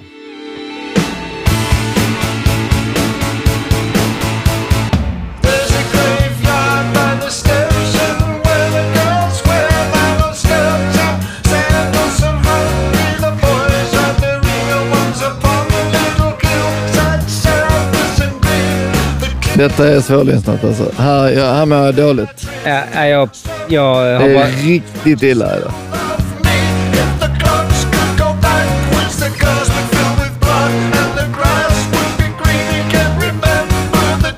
För det är mycket på den här plattan som jag ändå tycker är rätt bra, eller skitbra. En del är ju helt tydligt att jag älskar. Mm. Och en del eh, tycker man är, ja men det är bra för att vara sena Bowie och så vidare. Liksom. Men så finns det liksom just det här sjoket här i mitten. När jag, den bilden jag får är på något sätt att när han bara gör lite rock. Han går in med sitt band och spelar lite rock och tycker det är gött. Liksom. Och, och för mig blir det så tydligt att man sitter i sin lilla bekväma New York-studio. Ja, de är igång, han går ut och köper lite Panini. Liksom. Kommer tillbaks och hej hur går det? Och sen så går han in och sjunger sin grej och, och är lite Bowie eller lite mindre Bowie. Alltså, Det känns så jävla generiskt liksom. Och det tycker jag är liksom lite provocerande nästan. Och eftersom man hade... Fast halva albumet är ju nervigt och halva albumet är generiskt. Ja, absolut. Men det är den där generiska halvan som man blir lite, varför, varför blev det så? Liksom? Och, det, och den, där, den där generiska biten är ju det som man ägnat sig åt ganska länge innan. På eh, reality och... eh, Ja, för den, den är, gen, den är Den är genomgenerisk. supergenerisk. Ja, det är den verkligen. Liksom. Men också så här, försöker vara lite rockig. Men det är så här, ja men, ja men nu har vi lite frippis här, nu gör vi lite si, nu gör vi så. Så går jag och köper lite Panini. Liksom. Det är Panini-rock. Liksom. Han är så jävla bekväm på något sätt. Han är, men- han är, Men menar du att du känner att eftersom han gör så mycket som är magiskt och så Mm. mycket som är direkt dåligt, att det finns en... Att den, den inkonsekvensen gör att man undrar om han egentligen var begåvad överhuvudtaget? nej, nej, så tänker jag inte alls. Jag, jag tycker bara att det är liksom Det en enda som är konstig- bra är hans begåvning.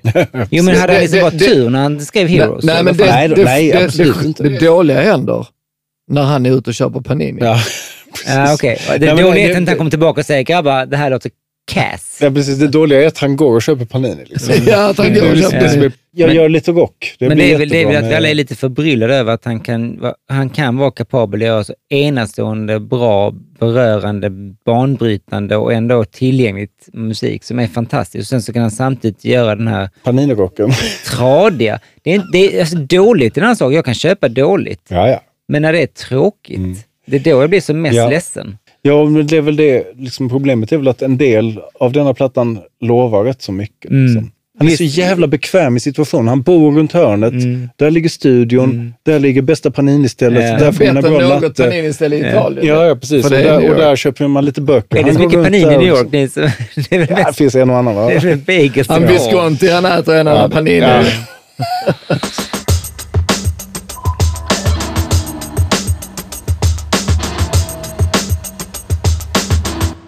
Jag sa ju tidigare att eh, Dancing Out in Space var ju min ehm, den sämsta på skivan, men jag tror att den kommer nu faktiskt. Ja, det var det jag ville. Ja, komma jag, till. nu ser jag att det är denna. Ja. Eh, och nu är vi inne på låt nummer 12 då, You will set the world on fire. Och jag har ju väldigt svårt för parenteser i titlar. Jag tycker det är så jävla konstigt. Midnight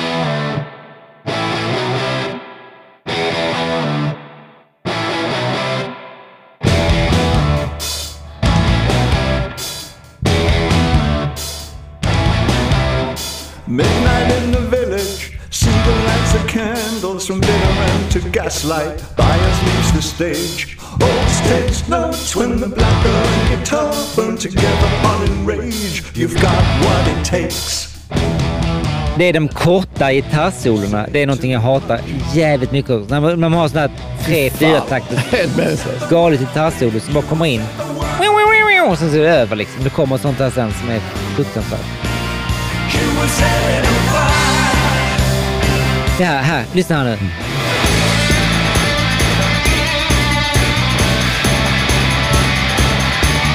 Sån här gitarrsolon hatar jag. Och gud vad, vad benen är, vad knäna är böjda här.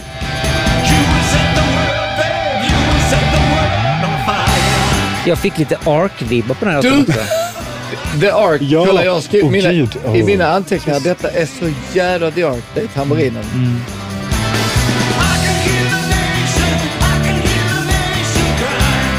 Ja, men det är också melodierna. Det är något preach med hela låten som Ja. gör ett Ja, ja. eh, mässande liksom.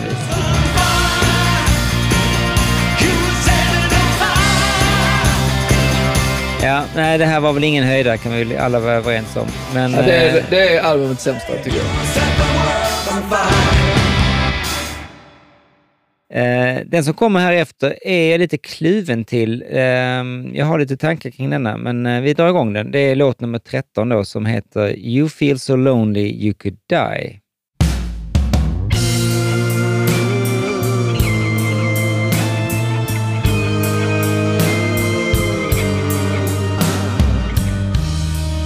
No one ever saw you moving through leaving slips of paper somewhere in the park. Det är kusin med Valentine's Day på den här plattan. Alltså det får man ju säga. Ja, Det är ju en sån låt. Och så finns det också någonting här som påminner om Hallelujah. Mm, ja, just det. Valsen. Jag tycker att det är five years. Ja, ni det- hör trumkompet på slutet. Ja, det, är kommer, samma ja, precis, det är ja. samma. Ja. Det är en klar blinkning, Mm. upplever jag det som. Det måste han ju ha lagt in med flit. Ja, som är nästan lite lökig måste jag Ja, säga. verkligen. Alltså, Ja, ja. ja, liksom. Men jag tycker ändå vi har lyft oss lite ut ur det sämsta möget till någonting som ändå... ja. Nej, men det där, jag tycker den är lite besläktad med Valentine's Day för att det är lite vintage Mm, liksom, på något sätt. Man känner alltså, Det känns som att sådana här låtar kan han skita ur sig när som helst. lite så. Mm. Och han, han har liksom avstått från att göra det. Liksom. Men vad känner ni att den... eh, Med texten. ja? Ja, jag har fått fram att det handlar om någon slags rysk eh, Cold War, lönnmördare, någon assassin. Okej. Ja. Eh, men det har inte jag fått fram. Det har jag, mina vänner på Google berättat för mig. Aha!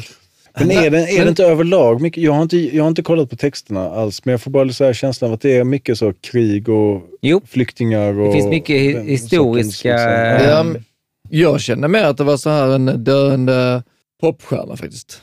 Jag har läst någonstans att den skulle kunna handla om Morrissey. Aha. Aha. Denna låten? Ja.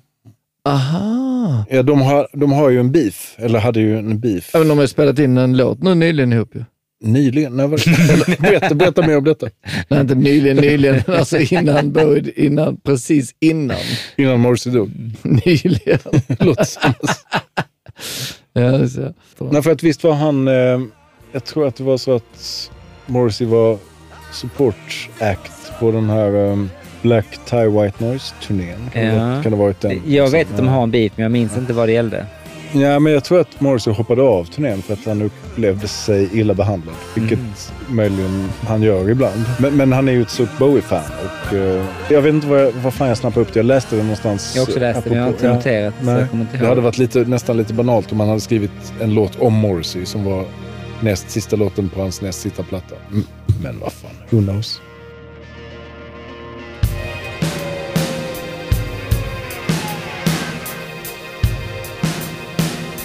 Har ni några tankar kring eh, den här trumkompet som kommer in här och alluderar till Five Years? Han är så jävla förtjust i sig själv och sin historia. Ja, men är han det? Jag tror det. Eller, Eller är Ja, det det- alla andra runt omkring? jo, men han var ju supertydlig också. Alltså, han är så plump ibland, som i det här eh, Five Years Outrot. Liksom. Visconti tycker det är någon trummis spelade efteråt bara, fan, du vet replikassjukan. Ja, Det ett- absolut. Det är ett Visst. livealbum, det kan vara, vara ren replikassjuka. Ja. Men jag tycker sån, en sån grej som det outro, det kan jag ändå se eh, mellan fingrarna med. Jag, jag har mer svårt för hela låtar, hela album, där han ändå lagt mycket tid som man kunde gjort någonting annat på. Att han liksom inte bara är mer engagerad. Han var ju själv lite förbryllad över hur han kunde vara så oengagerad i Never Let Me Down och så. Att han bara liksom lät saker och ting bara gå förbi. Tid, alltså det är ett helt album, det är ändå ganska mycket tid och kraft. Liksom.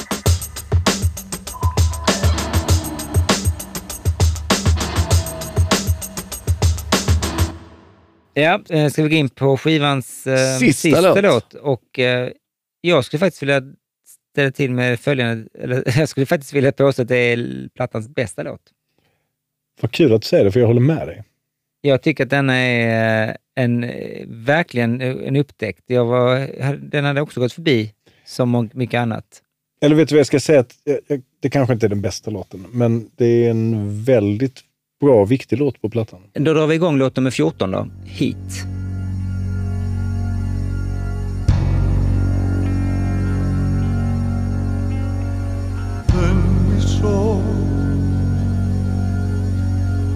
missionless dog trapped between the rocks, blocking the waterfall.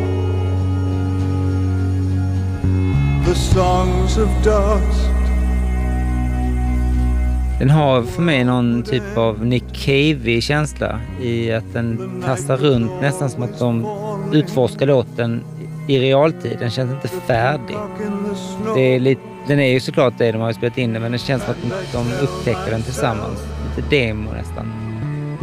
I don't know who I am, and I tell myself i don't know who I am. My father ran the prison.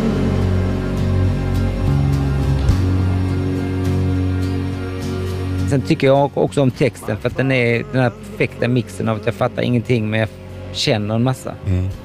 Och jag tror att jag fattar men jag kan inte verbalisera det riktigt. Där har vi ju anledningen till att jag stör mig lite på låten. Texten? Mm. Alltså jag tycker, den är jävligt cool. Den är jävligt Blackstar. Jag tycker det är en, detta är en vers. Detta är en del av någon låt på Blackstar. Mm. Jag tycka. Det är ingen låt alls, tycker jag. Utan det är liksom Nej. en... Nej, det är som en, det men det är Nick Cave, det har ju samma, att det är mer som en dikt med någon Absolut. slags musik. Det är mer som en dikt. men Jag, jag personligen tyckte det var ganska så lite halvdålig li- dikt. Jag tyckte den var spännande när jag, när jag läste den och lyssnade på den. Jag tänkte så här, undrar vad detta är. Så jag gick in så googlade det här, Mishimas Dog. Mm.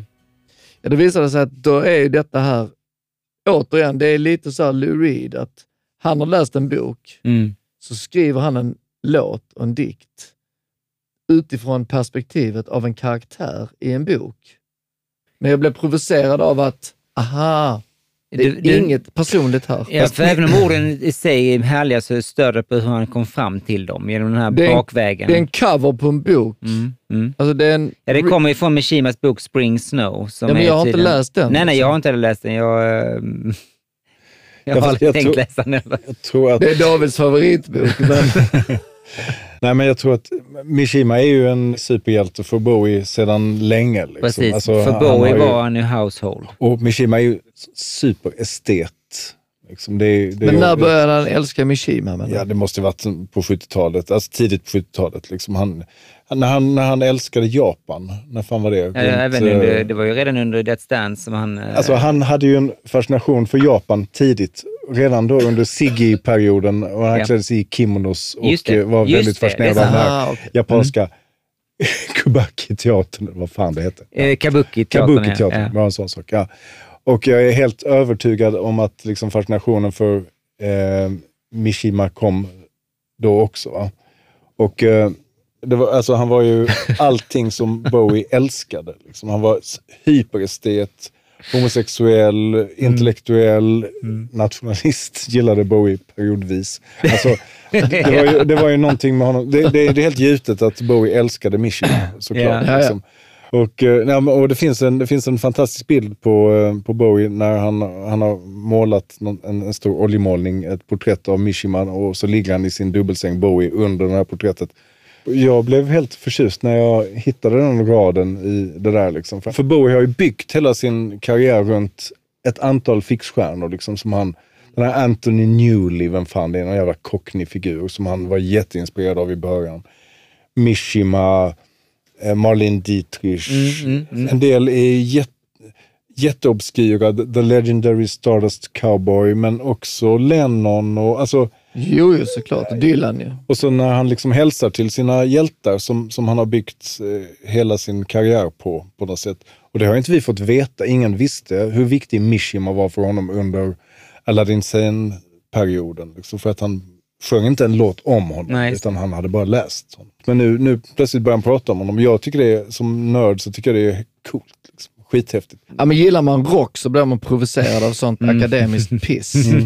Nej men seriöst. Men gillar man akademiskt jag piss så gillar blir man liksom, ju- Jag gillar så här, no fun, my baby, no fun. Jag bryr Nej, mig det inte stämmer om... inte. Du har ju fan så himla fina Skojar texter bara, Martin. skojar bara. Men, men, men jag, jag är... Jag, men visst, om jag, jag var inte medveten om detta. I så fall, så fall gillar jag det för att han är ju som sagt ett stort konstverk. Allt han har släppt är personligt. Till och med Let's Dance. Det är liksom Mm. Oh, inget ja. trams. Nej, nej. And I tell myself, I don't know who I am. My father ran the prison.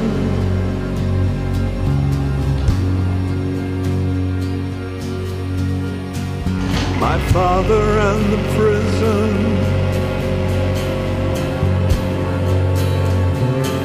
Han sjunger någonting om att My father run the prison och det, jag, jag fattar inte liksom. Nej, Men men det, var, det var därför jag, jag, jag förstod. Jag kände att jag förstod hela texten tills eh, man så bara, Och det sjunger han flera gånger så uppenbarligen har det ju en signifikans som jag inte... det låter coolt, jag älskar det. Mm. Får jag, får, jag, får jag fortsätta älta lite här så skulle jag kunna... För, att, för mig så blev den, den här var tydlig för mig. Jag associerade direkt till eh, den här The Electrician med Walker Brothers. Scott Walker är en stor förebild för Bowie genom tiderna. Just det. liksom. Scott Walker dök upp eh, ideligen när jag sökte på den här låten. Ja, som, okej, en, ja. som en eh, tydlig Ja, för det referens. låter ju väldigt mycket Och jag har ingen koll på Scott Nej. Walker, så att det var för mig helt eh, över Nej. Jag älskar Scott Walker. Nej, jag har dålig, jag har dålig koll. Jag skulle säga Du något roligt. Men jag, Mm. Nej, det gör jag. Jag hatar inte honom alls. Nej. Bowie beundrade ju Scott Walker jättemycket. Och sen så fanns det en, eh, det skedde någon slags utväxling eh, på, i slutet på 70-talet när eh, Scott Walker med sitt gamla band Walker Brothers gjorde plattan Night Flights.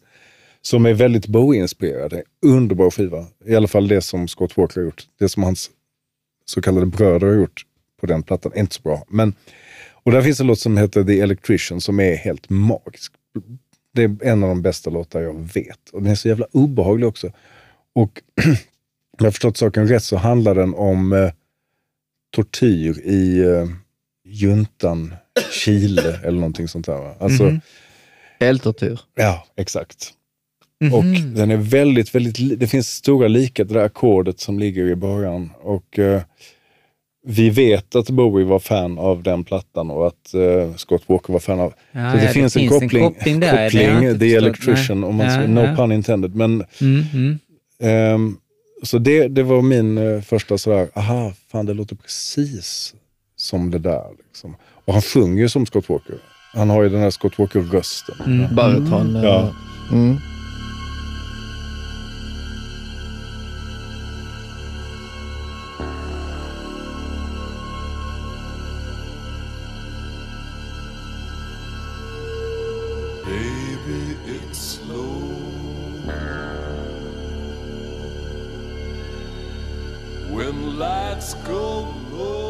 Tänk också tortyr i chilenska fängelser på Mm. 70-talet.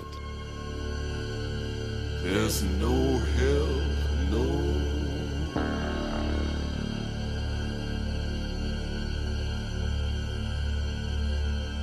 Och det är bevittnat att Bowie älskade detta. Han var ju hemsökare Men nu på- förstår i, jag att det, det känns ju nästan uh, ooriginellt nu plötsligt. Alltså, det är som att uh, här är ju Scott Walker Ja, karbonkopia. Ja, det är det ju liksom. faktiskt.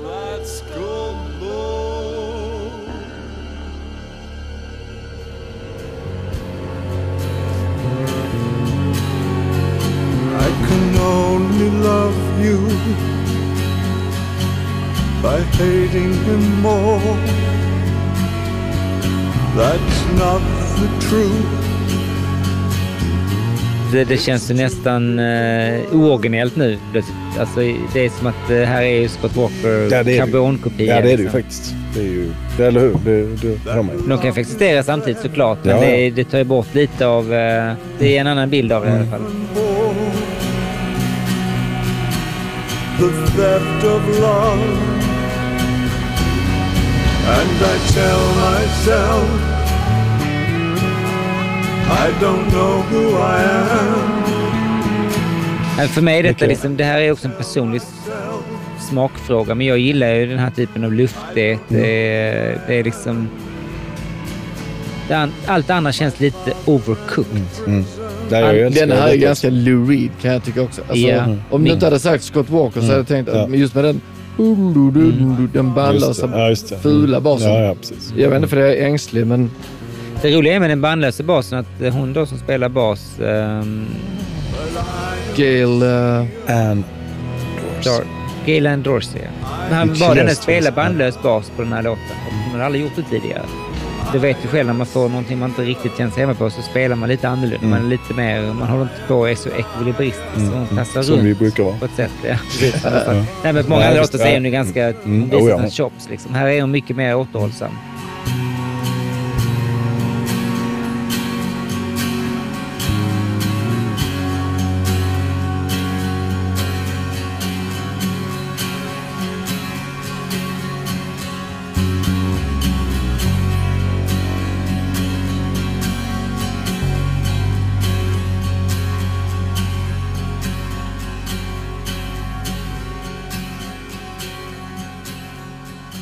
Det finns ju en liten sån fix idé, det är säkert ni inne på också, men att man brukar försöka hitta den där låten från, eh, som är, som är liksom eh, länken från förra plattan till nästa. Liksom. Ja.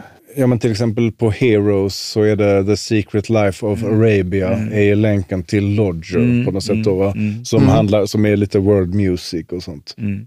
Men där finns också liksom på, eh, på Diamond Dogs är det ju supertydligt att eh, 1984 är ju länken Mm. till eh, Young Americans. Mm, Liksom. mm. På, ett- jag menar att på Hunky Dory så tycker jag att det är Queen Bitch liksom, som, Mm. som blir uh, Mm, Ziggy Stardust sen. Liksom. Lite. Men, och på Ziggy på Stardust så är det kanske. Eh, ja, vad fan är det på den då? Då är det liksom kanske eh, Rock'n'Roll Suicide som är lite den melodramatiska som följer med Aladdin till Sane. eh, Aladdin Sane. Och på Aladdin Sane Mm. så är det kanske någon av de här, eh, ja där, där, där får man ju liksom, Jag tänkte också på det, jag har inte skrivit upp det, men jag hade det som en eh, Mm. point att eh, det här känns som en Blackstar, mm. logisk Mm. ingång, övergång. Hur, hur många år är det mellan Blackstar och fyra? Nej, tre. tre bara. Ja, men bra, eh, bra poäng och en bra um, wrap-up. För att det känns ändå skönt att vi inte satt här och hatade in i sista. Utan vi fick eh, en ba- banger på slutet och Oh ja. en näst sista låt som kanske var lite okej ändå. Men det var ju framförallt ett framtungt album. Han satte sina bästa, sitt, sitt bästa krut i början. ja, Mm. Ja, men då eh, får jag tacka er för att ni orkar ta hit och eh, kämpa igenom detta ojämna album. Och jag vill också passa på att tacka Gula Studion som låter oss sitta i deras fina lokaler och använda deras utrustning. Eh, om ni någonsin ska spela in någonting eller mixa någonting så rekommenderar jag starkt att ni tar kontakt med Gula Studion i Malmö. Vi ses snart igen. Tack för mig.